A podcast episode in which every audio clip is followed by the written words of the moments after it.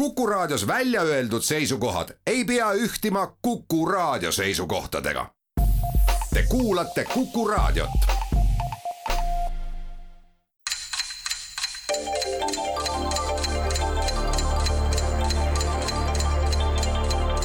tarkade klubi targemaid küsijaid toetab lisateadmistega Postimehe raamatukirjastus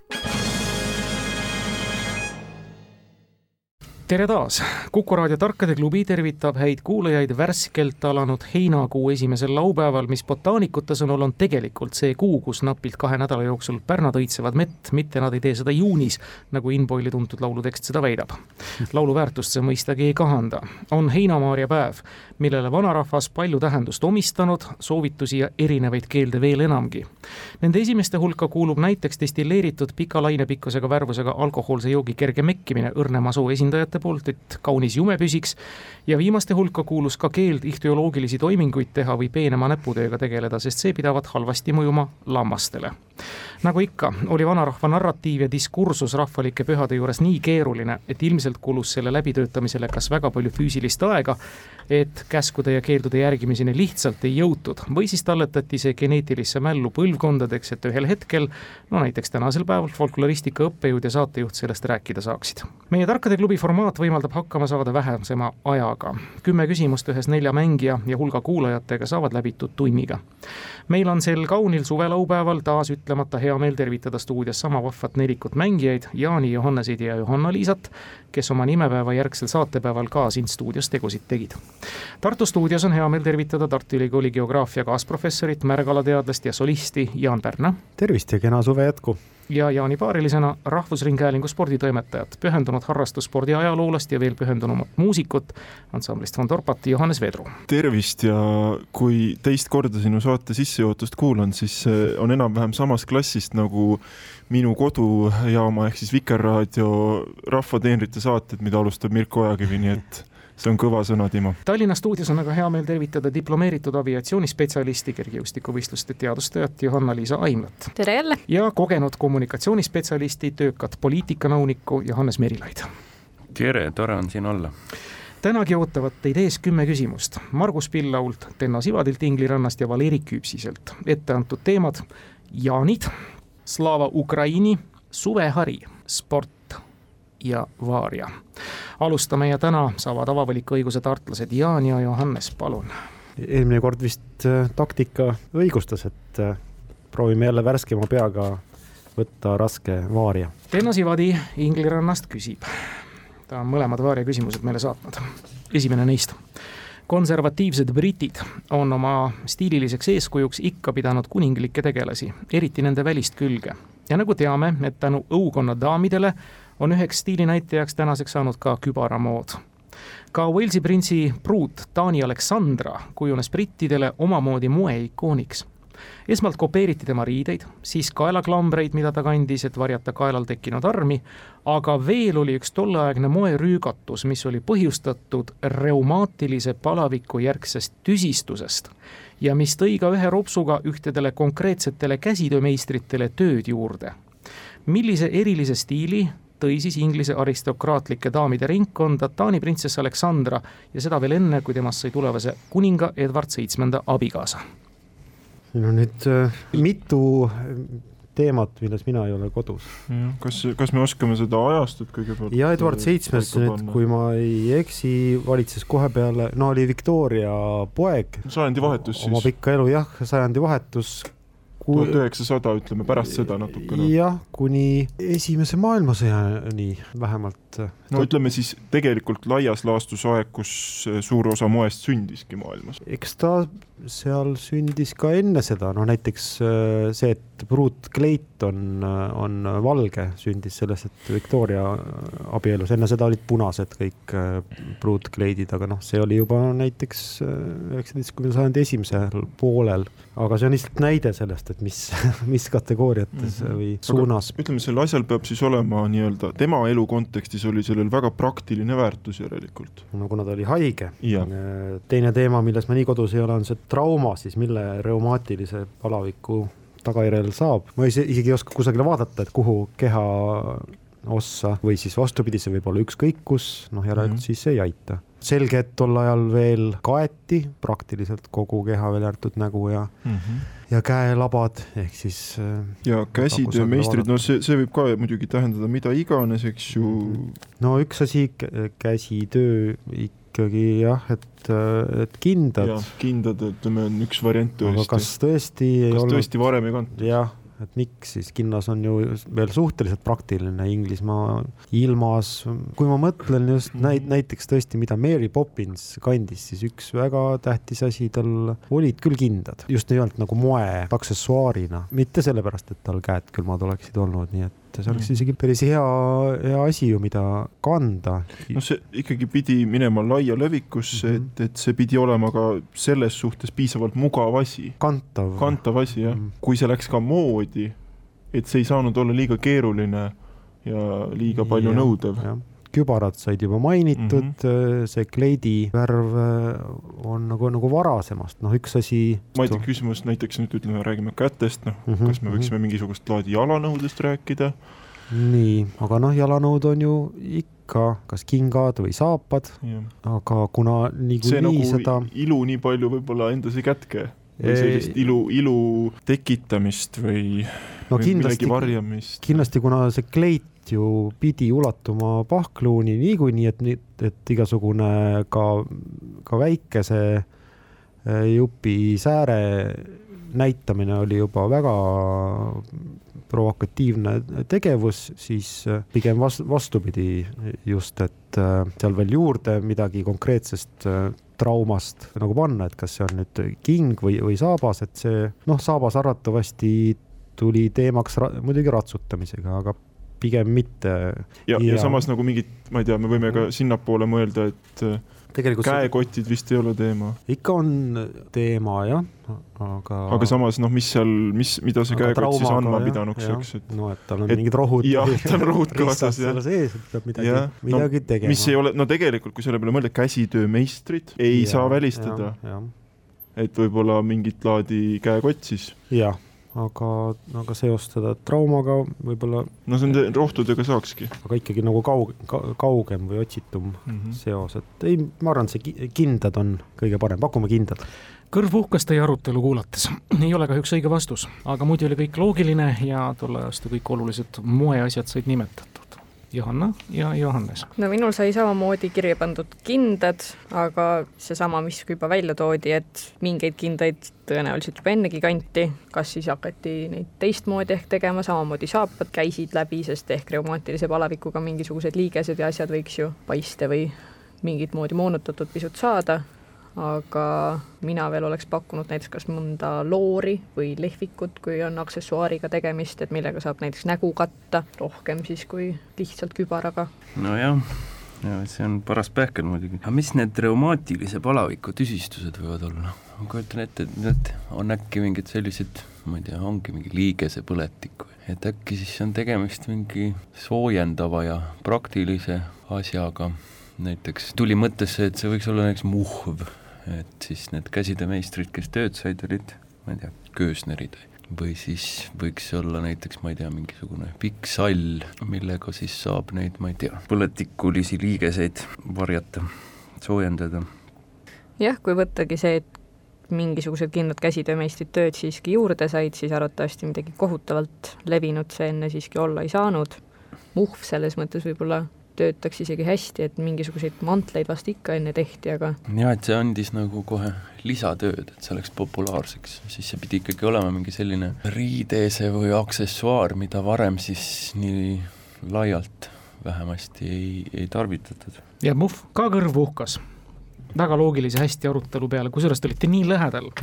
Jah, punkti ei saa, ma unustasin selle öelda tõepoolest, tema riideid kopeeriti, kaelaklambreid ka, aga see moeröögatus oli tõepoolest see tüsistus, millele Johanna väga täpselt viitas, ehk siis reumaatiline põletik jalgades. nimelt Taani printsess Aleksandra lonkas ja kõik daamid nägid väga moekana ka välja sedaviisi, et nad hakkasid meelega lonkama. et võimalikult rohkem longata ja sarnaneda Aleksandraga, kandsid daamid erineva kontsapikkusega kingapaare, andes sellega juurde siis kingseppadele tööd. seesugune vastus ja moeröögatus siis sajandi alguse Suurbritanniast. Läheme edasi Johanna ja Johannes, te olite lähedal, nüüd saate teema valida ja jõuate punktini äkki. noh, Johanna. mina pakuks ehk suveharja, et ja, ja. suvehari, kolm aastat tagasi kevadel korraldati meie raadiojaamaga väga sõbralikult eh, koos eksisteerivas Rahvusringhäälingus kõige eestilikuma sõna konkurss. ja milline sõna selle võitis? tegemist on liitsõnaga, millel meie antud teemaga on väga otsene seos neljanda koha muide pälvis sõna pööriöö, mis oma sisuga antud küsimuse vastuseks ka iseenesest hästi sobiks. mis sõna hääletati siis Rahvusringhäälingu kõige eestilikuma sõna konkursil kolm aastat tagasi võitjaks? no mina olekski pakkunud, kui pööriöös ja siis on ikkagi jaanipäev kohe sealsamas, et neil on küll tegelikkuses paar päeva vahet, aga aga kas see jaanipäev on siis nii ilus sõna, võib-olla see on no kui ta on midagi... kõige eestilikum no Sõnajala õis. punkt kirja, see on Sõnajala õis, täpselt niimoodi, suurepärane Johannes. ja lähete mängu juhtima. ma ei tea, kas Johannes hakkas Tartus nüüd pead vangutama? nüüd ma hakkasin tõesti, jah. me oleme ka kogenud mälumängurid juba, teine saade siin Tallinnas. täpselt, aga palun. ütleme Slava Ukraini. ütleme. kuidas Ivan Ivanovitš läks tülli Ivan Nikiforovitšiga, on ehk väljapaistvama Ukrainast pärit kirjaniku, oma teosed siiski vene keeles loonud Mõkola ehk Nikolai Gogoli sulest jutustus, no meie Andrese ja Pearu looga mõneti võrreldav. Nende kahe Ivani näol polnud siiski tegemist mitte talupoegade, vaid uhkete mõisnikega. see kuulub jutustuste tsüklisse, mis Gogoli Poltava kubermangus asunud noorpõlve linna nime kannab ja me küsime, mis linn või novellitsükli pealkiri. linna nime tähendus väljendab midagi, mida Ukrainale praegu kõige rohkem vaja on nüüd hakkas mm -hmm. Tallinnas Johannes itsitama, aga palun. et siis äh, rahu. õige, Mõrgorod, venepäraselt Mirgorod, tõlkes rahulinn.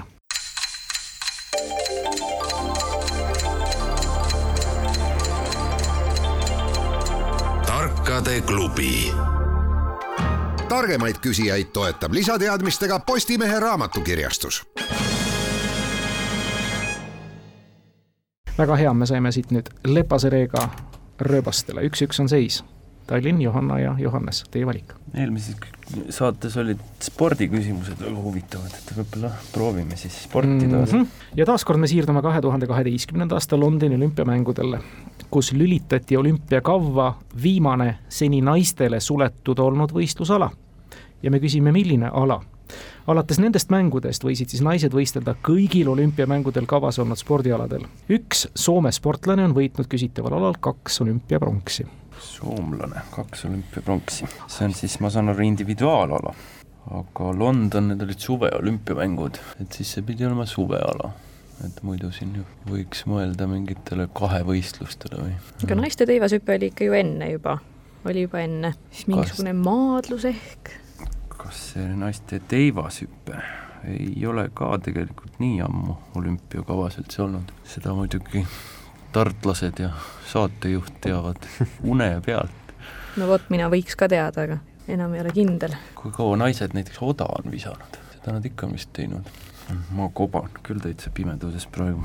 jah, mulle tulevad ka peale selle ainult mingisugused võitluskunstid pähe hetkel, et võitluskunstid no see võiks ju küll huvitav olla näiteks, ma ei tea, taekwondo, mingi selline ala, mida on, peeti aastaid siis, ma ei tea, naistele liiga vägivaldseks või? jah, ja kaks tuhat kaksteist ehk ei, jah, ei, kõikvõimalikke uuemaid spordialasid tuuakse vist juba kõigile koos sisse ikkagi. ja ega me vist sellest teivashüppest umbes kaugemale ei jõua, tundub nii. no ma pean su spordivaistu usaldama, sest ega mul paremat no lihtsalt ma ei suuda vist ka ühtegi sellist muud asja nagu välja pakkuda rohkem. ja soomlanna on võitnud sellel. jah, see tundub selles pisut kummaline. kaks olümpiapronksi või on ikkagi mingid teistsugused, kergejõustik, kergejõustiku suunas me oleme mõelnud, võitluskunstid, mis need, ütleme, sellised füüsilised, äärmiselt nõudlikud individuaalalad võiksid olla. et need saavad olla siis tõepoolest mingid sellised alad, mis on, ma ei tea, kas väga nõudlikud või siis kuidagi ebanaiselikuks peetud. jah, ja triatlon äkki siis veel isegi ei olnud kavas jälle, ka ei oska öelda. no me olime alguses palju kindlamad, et nüüd meil on mõte juba väga laiali läinud, et oleks pidanud alguses kohe midagi ära pakkuma. oleks seda suurema sisemise veendumusega teinud. jah, no järgmised spordialad, mis üldse pähe tulevad, on juba sellised, kus ei ole mingisugust vahet selles mõttes et mingisugused laskmised ja ujumised ja asjad, et mm -hmm. seal on suhteliselt sama vitsaga kõik löödud. aga miks see soomlane oli siin just mainitud? see oli vihje. see vihje ei teinud küll midagi selgemaks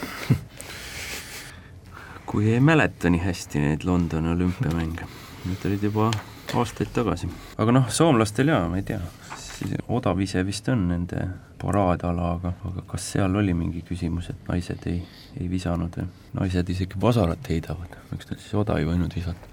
nojah, mina siit august vist rohkem välja ei keeruta no aga tuleme siis algusesse tagasi, mis oli teivashüpe oli meie esimene pakk? ei ole teivashüpe, olümpiamängude kavas naistel juba üheksakümne kuuendast aastast Atlantas, aga Jaan Johannes Tartus. no kaks mõtet tekkisid esimese hooga, et see taekwondo oli üks mõte ja poks oli teine mõte. minul tuli poks igatahes. ja see poks on õige vastus. tõepoolest, me räägime ju viidatud Soome sportlasele Miro Potkosele, kes kaks tuhat kuusteist Rios võitis pronksmedali, mis sai Soome koondise ainsaks ja sellega ta tõsteti rahvuskangelase staatusesse.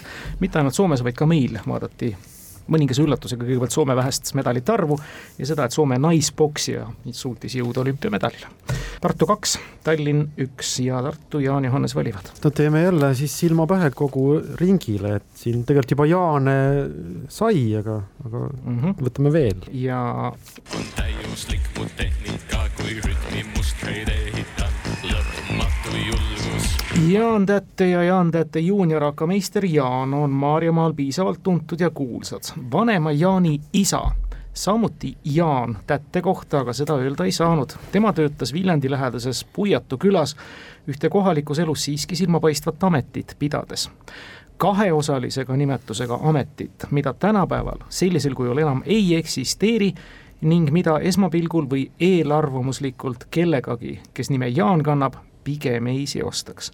Millise tööga Jaan Tätte seenior siis leiba teenis hmm.? oi kui spetsiifiline küsimus. oota, aga ei, ma just mõtlesin praegu seda, et noh, et kui nagu muidu on need Toru Jürid, et siis Aa. oli Toru Jaan äkki ahah, aga, aga kas enam eelarvamusi on sellega seotud, aga sellist, selline amet on, on olemas ju nagu Toru Jüri? no teoorias küll, jah. ei, miks teoorias? kas niimoodi ametlikult keegi ütleb, aga, aga saatejuht ei ole midagi öelnud praegu. saatejuht on öelnud jaa, õige vastus. nii et võib-olla, et sellest ilmselt tuleb midagi järeldada siis. aga siin oli ka silmapaistev amet kohalikus elus silmapaistev amet, kaheosalise mm. nimetusega mm. -hmm. kui nüüd emma-kumma osa ära vastate, saate punkti. no huvitav, kas, kui kaks meest on läinud samasse valdkonda, siis huvitav, kas isa ikkagi täitsa teine ooper olla ei saa või? kohaliku tähtsusega. no nii, nii suur tätteloog mina, täteoloog ma küll ei ole, et, et, et teaks. tätte tuli, või tähendab tuli siiasamma Tartu Ülikooli bioloogiat õppima ja siis, siis läks lavakas ja minu meelest see kultuuripisik äkki tuli tal ikka lavakast. ja Marko Matver õppis vist käsitöö, käsitööõpetajaks alguses, et noh, et pärast said kokku. jah, ja siis hakkasid tegema alles kunsti ja, ja kultuuri. et enne seda bioloogiat võib tulla ükskõik mis, mis taustaga, eriti kui maalt oled pärit väikesest kohast. aga ütleme, no ma ei tea, et seep või, või siis oh,. jah, et mingis, mingis. Korstnapühkija või. aga enam ei ole sellist ametit, mõtleks ikka neid mm,, no, okay, neid, mida, mida enam ei ole, no seppasid on, no tegelikult ikka on, see amet on ju, ju alles, kas peaks mõtlema. see on mingisugune Nõukogude jah, Nõukogude, ma mõtlesin ka, et ta ju kultuurima... sügaval äh, sovjeti ajal oli, et muidugi võib-olla veel vanem amet, aga iseenesest ei ole vaja kaugemale minna. mis on meil sellised toonasest ajast kolhoosnik, kordnik, ei? siis enam ei olnud mingit kordnikku ju, oli lihtsalt miilits ja, ja kogu lugu ja see on ju üks sõna aga no see vihje oli ikkagi selline, et oleks just nagu Toru Luksepp keevitaja või et tal on mm -hmm. kaheosaline nimi, aga silmapaistev. silmapaistev saab olla ju ka kahes äh, mõttes, et kas otseselt või ülekantud tähenduses. igal juhul Toru Luksepp keevitaja ei ole just nagu kummaski mõttes, tegutseb seal oma töökojas ja et sellised nagu meistrimehed, äh, nagu lihtsad meistrimehed tuleks ju välistada selle silmapaistvuse eelduse ja, järgi. ja ei saanud ka olla sellel ajal enam mingisugune näiteks kutsar või midagi sellist. see hobuste asi vist küll kadus äh, üsna kiiresti ära nõukogude ajal, jah koos noh, juba viiekümnendatel. metsavaht, need olid hiljem ka. metsavahid kadusid alles üheksakümnendatel, noh, jälle see bioloogia sobiks nagu, nagu küll, et Mhm. midagi metsaga, aga silmapaistev metsavaht, noh, sai ju muidugi uhkes mundris võib-olla ringi patseerida mööda nii, nii metsa kui küla. mis sinna juurde veel? Nojah, selles mõttes see metsavaht ju on vist äkki esimene näide sellest, mis, mis nagu päris sellisel kujul Kadus. on kadunud, jah. aga metsavaht, sidekriips ähm, metsavaht, looduskaitsja, looduskaitse inspektor. peaks midagi me võib-olla peaks midagi kuulaja, pakkuma siiski. kuulajapiinad ja no ainu-, ma ütlen, ainukene tõesti kadunud äh, amet, mis meil praegu no meile öeldi, et ühest piisaks. pakume, et see, et ta oli metsavaht. Ei ole kahjuks õige vastus. Tallinna näolt, Johannese näolt eriti, kumab jälle kahjutunne vastu, et Tartu seda ära ei vastanud, jah ei, väga huvitav arutelu oli neil mm. -hmm. aga siin selles küsimuses on nagu liiga palju vihjeid oli, et kuidagi need, kui hakkad mõtlema, mis see lahendus võiks olla, et siis tuleb meelde järgmine vihje, mis selle nagu välistab, et et ma ei tea, näiteks, et see Jaaniga tavaliselt ei seosta seda. See kuidagi juhatab nagu väga valele teele. aga samas saatejuht ütles, et, et kui ühegi poole neist ära vastaks, et siis oleks juba hea, et, et siis mulle tundub, et see võiks olla selline kahest osast koosnev ametinimetus, kus mõlemad pooled ka eraldiseisvalt tähendavad siis mingit ametit, et, et see kolhoosi motiiv, et kohalikus elus oluline amet, et mis see siis võib olla, mingi traktorist, masinist või kombainer, agronoom või, et aga miks see Jaan selle ametiga just ei klapi? ma isegi korraks mõtlesin, et äkki oli vene keele õpetaja, et näed siis Jaan õpetab vene keelt, et võib-olla seal on mingisugune niisugune sobimatus peidus. aga jah, no aga ma ei tea, või kolhoosi esimees või, see on ju kohalikus elus oluline amet, aga seal jälle need kaks poolt nagu ei ole, on esimees on esimees ka ilma kolhoosita või külavanem samamoodi. tea, kas tollel ajal oli külavanemaid? jah, minu kahjuks räägib ka see, et selle ajastu kindlaid töökohti ehk nii palju ei tea ja kui tõesti tänapäeval sellisel kujul seda pole, siis ei tööta ka ükski käsitöömeister eriti hästi ja tea, mis seal järgi jääb siis. aga ma ei tea, kas tänapäeval on selliseid ameteid nagu kuldimunalõikaja või seaseemendaja või ma ei tea, mis need toredad ametid veel, mida tänapäeval justkui enam ei ole, aga mis on kohalikus elus, on tähtsad. aga samas ei sobi kokku Jaaniga. sa oled selle küsimuse tuumale väga põhjalikult mõelnud. jah, kas keegi, kes eh, pakub sellele kogukonnale midagi olulist või on tegemist lihtsalt mingi sellise väärika ameti esindajaga, väga raske öelda. kas mõni neist välja pakutud mõtetest on ka vähekenegi õiges suunas läinud? Niimoodi abstraktselt, kui ma võin küsida. no ma nii palju ütlen, et Nõukogude aeg oli tõepoolest rikas väga uhkete ja mitmeosaliste ametinimetuste poolest. aga need pidid olema väärikad ja olulised ametid, kohalikus elus no olulised. kõik, mis sa nimetasid, olid väga olulised. ja, ja, ja kahtlemata. aga paneme selle traktorist masinisti kõlab vähemalt uhkelt. see kõlab uhkelt ja see oli üks paljudest nõukaaegsetest kuulsatest tähtsatest ametitest, ei ole see õige vastus. tõesti, miks Jaan ei sobi? seepärast, et enamasti peetakse ja peeti ka siis veel rohkem seda ju peamiselt ikkagi naiste ametiks. see amet kaheosalisena Velsker, sidekriips ämmaemand, mida pidas siis Jaan Tätte seenior, seenior. ei ole enam Velsker ämmaemandaid, on lihtsalt ämmaemandad ja Velskrid on nii-öelda ka tööturult kadunud. palun, Johanna ja Johannes, teie valik, kui poole mängu peal on tasavägine üks-kaks seis teie poolt vaadatuna. no aga võtame need teised, teised Jaanid ära ja tere, tere, kullake, kuidas muusik ja multitalent mõni nädal tagasi neljakümne seitsmeseks saanud Jaan Pehk peab ka sportlikke eluviise oluliseks, olles nüüd ise peamiselt pokkerile ja mõttemängudele keskendunud. aga nooremas eas tegeles ta näiteks ujumisega ja pikamajooksuga ja veel ühe füüsilise alaga, mida Vana-Kreekas näiteks aga kunstiks peeti, nii nagu ka muusikat ja poeesiat jumalus Apollon, kes valguse ja kunstide valdkonda kureeris, oli nimelt selles spordis väga osav mille kohta me siis küsime? vastava Eesti erialaliidu juhatusse kuuluvad praegusel perioodil Katrin Virula, Jaanus Gross, Tõnis Veltbach ja Tiina Laurisson. olümpiamängudel on eestlastest sportlased koguni viiel korral käinud sel alal ja üks neist kaks korda. ehk siis taandatud küsimus, millise spordialaga tegeles nooruses Jaan Pehk viis eestlast mm. -hmm. käinud olümpiamängud. noh, kui vanade kreeklaste peale mõelda, siis esimesena muidugi kettaheide tuleb silme ette või maadlus. jah, mul käib ka sinna maadluse poole, aga kes need viis eestlast, kes need viis eestlast, kes võisid Kreeka-Rooma maadluses maadluses on samas meil väga teatud liikides jälle väga palju inimesi käinud. aga kas on viimasel ajal meil käinud maadlejaid väga palju? omal ajal olid küll seal, Valeri Nikitin tuleb meelde neid. või siis näiteks kettaheitjad, kas meil tõesti on käinud tõesti tervelt viis või siis tõesti ainult viis kettaheitjat olümpial ja mis, milles see siis kunst seisnes nende vanade kreeklaste jaoks selles? jaa, aga kettaheitjaid võib tegelikult täitsa viis olla. jah. kas aga kas seda saab kunstiks pidada? maadlus selles mõttes oleks nagu kunstipärasem ala võib-olla. no ja kui tegemist... ilu on vaataja silmis, siis täpselt, kes vaatab ja just, vanad, kuidas hindab. vanad kreeklased vaatasid. mis ilu nende silmades võis olla?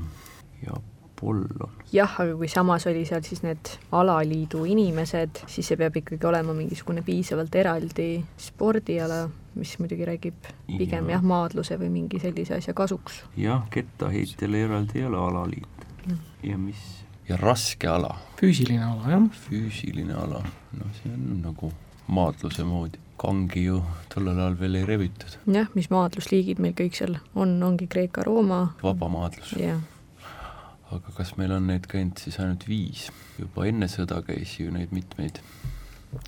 Berliinis isegi õnnestus mitu medalit võita. jaa, aga mida nüüd seal Vana-Kreekas veel võiti harrastada, mis üldse pole näiteks pähe tulnud? mida Apollon armastas ja see on kunsti moodi, raske ja füüsiline ala. kulturism, mine sa neid tea.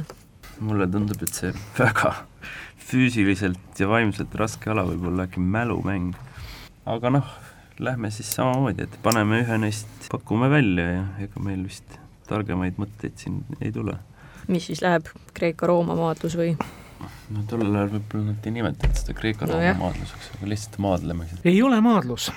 nii, Johannes ja Jaan Tartus. nojah, minu mõte läks ikka sinna, et kui see oli jumalate ala, siis järelikult eh, vana antiikolümpiamängudel see kavas ei olnud, et et siis midagi jumalatele rohkem lähemale. no kui see, kui see meie arutelu tulemus on õige, siis need kõik asjad tunduvad väga hästi sobituvad, et Jaan Pehk vist on Türi kandist pärit. Türilt jaa, peaks olema. ja minu teada seal on ka sellel alal eh, väga kõvad traditsioonid, need eestlaste, eestlaste arv võiks ka klappida, et Ähm, pakuks, et see on vibusport. on õige, see on vibusport ehk vibulaskmine. Apollon vibuga nüüd tuleb äkki tuttav ette ka natukene tallinlastele võib-olla, aga nõnda ongi.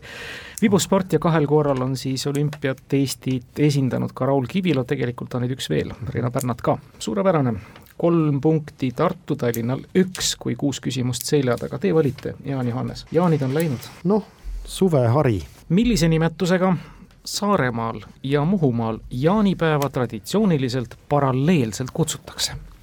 küsitavaga sama perekonnanime kannab ka sealtkandi teatud nimekas isik, kelle varasema tegevuse iga-aastane üks haripunkte huvitava kokkusattumise tõttu jaanipäeva paiku loogilistel põhjustel alati oligi. jah, ma tean seda vastust, see peaks olema küll tegelikult ütleme siis tõlke küsimus õi-, õieti, et see peaks olema vene või mingi või mingitest muudest slaavi keeltest laenatud, aga see sõna on leedo õige, see on Leedo ja Leedu päev. Vjatšeslav Leedo Saaremaa laevakompanii omanik ja selle ettevõtte teenuste kõrghooaeg oli niisiis alati jaanipäeva paiku, nii nagu ka nüüd nende tööd jätkaval firmalgi, TS Laevad. see on nüüd Tartule neljas punkt, aga Johanna ja Johannes, ärge heitke meelt.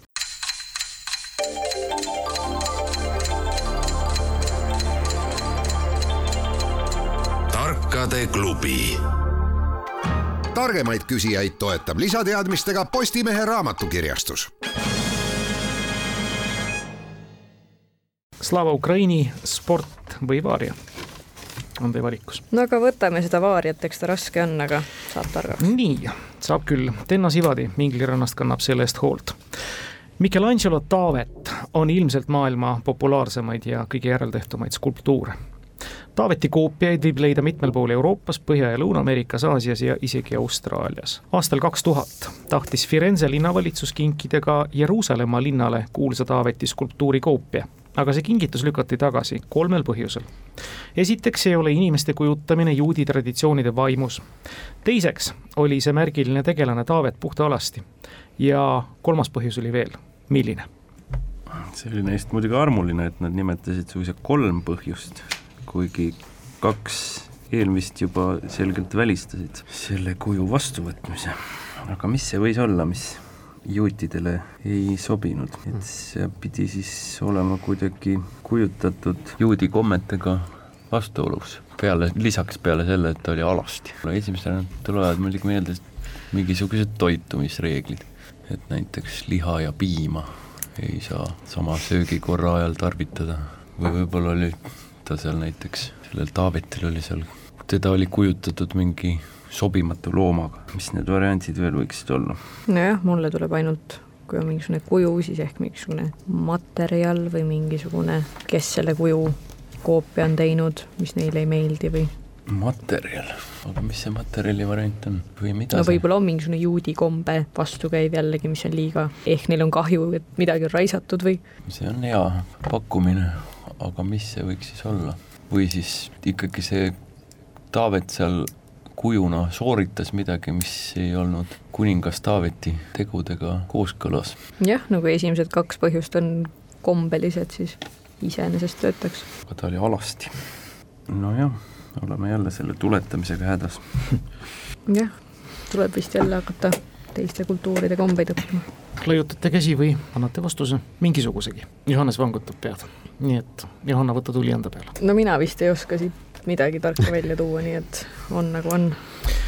selge, siis on see paraku null tabelis, aga Jaan Johannes Tartus. no Taaveti kuju peaks ju olema renessansi vaimus puhas, ilus mehe keha, et minu mõte läks, no erinevalt Johannesest siin stuudios läks, et noh, ainuke asi, mis tal lisaks, lisaks on, on ling peaks olema küll õlal, aga muidu siis mina hakkasin otsima ikkagi väljaspool seda kuju, ehk siis, et äkki selles piibli loos on midagi, mis, mis tänapäeva Palestiinas, Iisraelis äh, kuidagi kriibib, mis on ju keeruline piirkond. noh, ma hakkasin mõtlema, et kelle vastu Taavet äh, hakkas, iseenesest oli selline rahvas nagu, nagu vilistid, no mis peaks küll ka seostuma selle tüvega Palestiina, aga sellest noh et see peaks pädema nagu, nagu tänapäeval ka, et, et, et Taavet võis, võitleb äh, vilistite vastu, et, et midagi targemat mul ei tulnud, aga minu meelest äh, Johannesel tuli midagi vaimukamat. no ma mõtlesin, et kuna kaks esimest põhjust ei ole teineteist välistavad, et inimese kujutamine ja alasti olemine, noh, need nii-öelda, need on justkui komplekt või mm -hmm üks sisaldab ka teist, et siis äkki see kolmas põhjus on see, et ta on ümberlõikamata. väga täpne, see on õige vastus, tõesti, Taaveti kuju oli ümberlõikamata ja seda juudid muidugi kohe märkasid. muide, Londoni Victoria Alberti muuseumi Taaveti kipskoopia sai tuntuks tänu sellele, et kui muuseumi külastas kuninganna, kaeti Taavetil see ümberlõikamata koht viigilehega suurepärane tuletis, Johannes, viis punkti on Tartul, kaks küsimust on meil lõpuni minna, Jaan Johannes ka valivad, kas Ukraina või sporti? jätame spordi lõppu. jah ja. ja., lõpu, lõpu ruudustikku, nii et Slava Ukraini. Slava Ukraini ja nõnda nagu meie eelmise temaatilise küsimuse kangelane, nõnda ka siis nüüd küsime Kiievis juudi perekonnas sündinud meest eesnimega Jan, täpsemalt siis Jan Kumm, kes nägi ilmavalgust kahekümne neljandal veebruaril tuhat üheksasada seitsekümmend kuus. nii et äh, nelikümmend neli aastat täpselt enne alanud sõda tänapäevaks on ta kodumaalt ammu juba Ameerikasse emigreerunud ja ühe maailmakuulsa tehnoloogia saavutusega tuntuks saanud. ja me küsime, millega. see tuli välja novembris kaks tuhat üheksa ja Jan Kummi kõrval oli teine põhitegija ja arendaja Brian Acton. milline tehnoloogia saavutus? ei ole mm., praegu ei tule selle järgi. nojah, siin see kahekümne neljas veebruar vist ei ole väga tähenduslik. ei et, ja välja arvatud siis kokkulangevus. et, et ei ole Eesti Vabariigiga seotud ega ka siis sõjaga aga tehnoloogia, noh, tahaks ju mõelda hmm. ikka, ikka neid infotehnoloogiat, aga kindlasti on, on ju muid olulisi asju ka. kaks tuhat üheksa. et see nimi vist ikka ka ei ole kuul-, nii kuulus või on? aga noh, saate loogikat arvestades ka ma kujutan ette, et see on mingi suhteliselt laiatarbe asi. jah, seda küll kas mõtleme infotehnoloogia vidinaid, neid ju sama hästi võib olla ka näiteks, ähm, ma ei tea, kui leiutis see muidugi on, Mhm. aga a la mingisugune robotniiduk, eks ju, et, et no jaanipäevaks kasvab rohikõrgeks, kuigi see ilmselt on, ma kujutan ette ikkagi varasem asi äkki. ei tea, seal ei tea. on, seal on oma ikkagi GPS sisse ehitatud või küllap on jah. Mingisugune asukoha positsioneerimine, mis äh, ei saa iseenesest sellisena olla, et ütleme, piiratud ruumis, kus on nagu piirded ees tal mm. -hmm. või võis olla tõesti juba noh, sama vana kui niiduk, aga, aga see näide on nüüd sellest, et kui, kui lai see Jah, võimaluste väli meil on, mingi noh, ja kosmose küsimused muidugi võivad olla, kuigi need ei ole laia tarbekaup ilmselt. no osad jälle jõ- jõuavad laia tarbesse. Jah, ja kas meil on, kas soodustav, soodustav tingimus millelegi on see, kui ukrainlane ja siis ameeriklane, ilmselt ma eeldan, saavad kokku ja hakkavad ühist asja ajama, isegi kui see emigreerumine on toimunud juba ammu. ma arvan, niimoodi isikute tasandil seal võib ka suhteliselt juhus olla, et äh, noh, üldiselt äh, öeldakse, et siin endises Nõukogude Liidu ko- koolis äh, sa- sai, oli see matemaatika ja muud Mhm. reaalained väga, väga tugevad, et eks ja siis ameeriklane peaks olema see, kes selle maha müüb.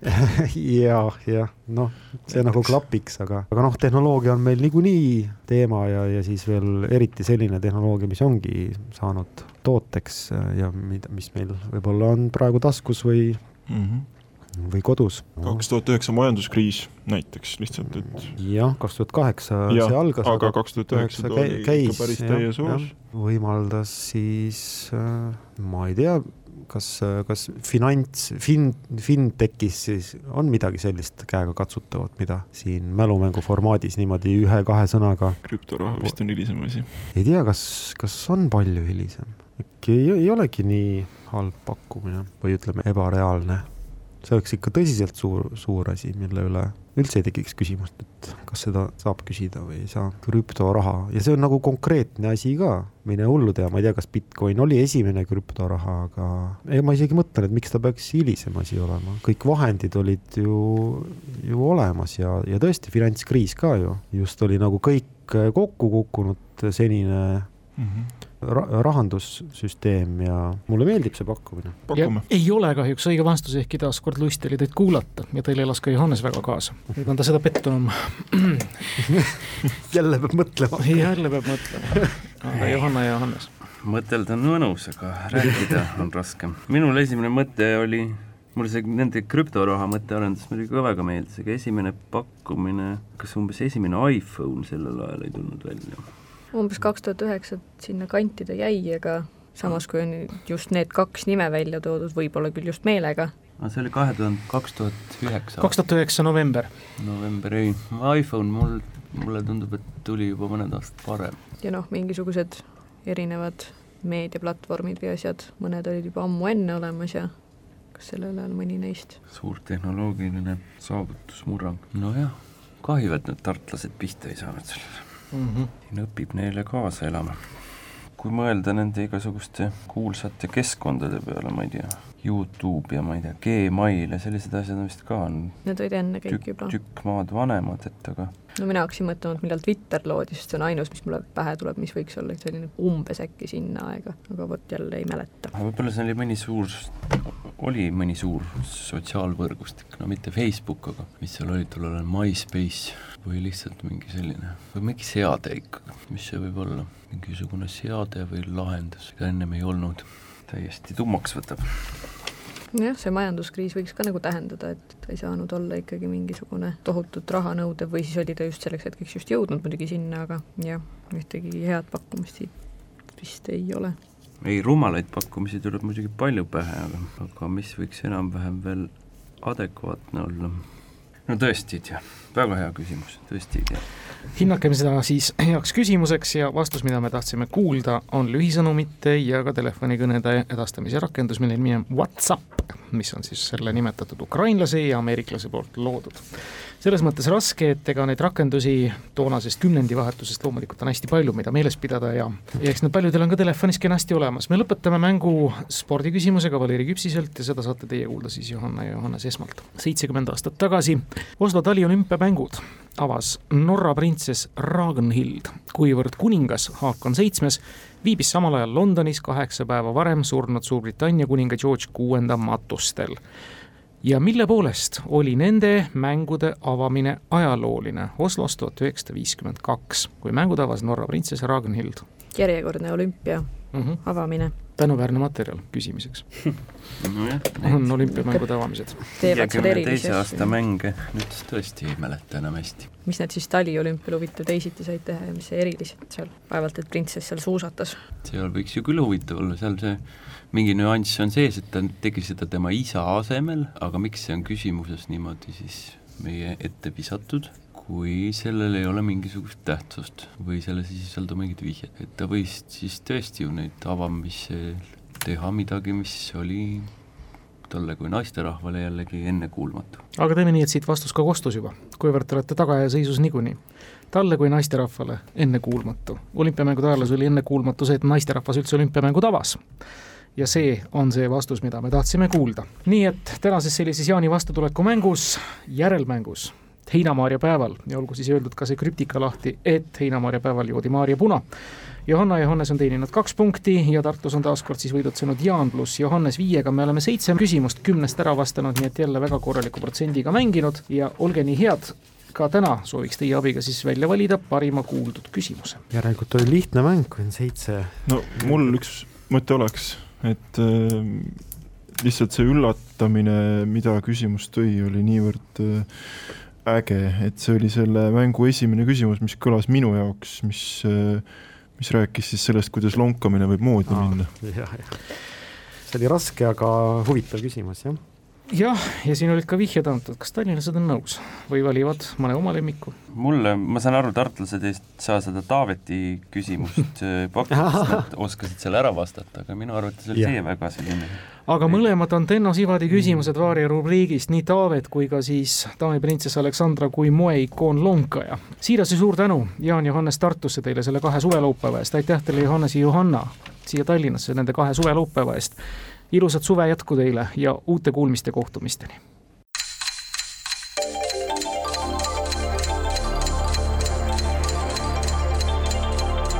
tarkade klubi. targemaid küsijaid toetab lisateadmistega Postimehe raamatukirjastus